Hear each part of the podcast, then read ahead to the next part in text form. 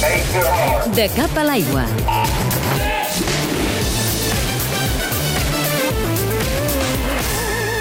Selecció de waterpolo femenina de Grècia arriba al Mundial de Barcelona disposada a no fer concessions, a intentar revalidar la medalla d'or que va aconseguir el darrer Mundial disputat a Xangai ara fa dos anys, tot i que ara mateix l'escenari és molt diferent. És molt difícil que puguem revalidar la medalla d'or de Shanghai. Hi ha més equips que als Jocs i som en any postolímpic. Molts equips fan renovació d'efectius i jugant a Barcelona, l'equip espanyol crec que tindrà molt a dir.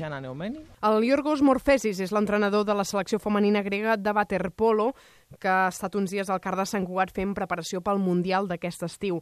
La paradoxa grega és la d'intentar sobreviure i també cultivar l'èxit enmig d'un panorama que no és gens esperançador.